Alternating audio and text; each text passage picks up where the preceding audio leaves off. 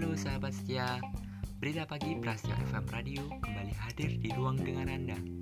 Bersama saya Aditya Prasetyo. Informasi kali ini datang dari dunia sepak bola di Kabupaten Sleman. Dalam laga lanjutan Shopee Liga 1 2019, pekan 22 yang akan mempertemukan PSS Sleman dengan tuan rumah Bayangkara FC. Meskipun Bayangkara FC saat ini dalam tren positifnya, Tim yang berjuluk Super Elang bertekad untuk mencuri poin penuh di kandang sang gladiator. Laga seru kali ini akan berlangsung pada sore nanti, Jumat 4 Oktober 2019 pukul 15.30. Dukung terus penggawa Super Elja untuk membawa pulang poin penuh.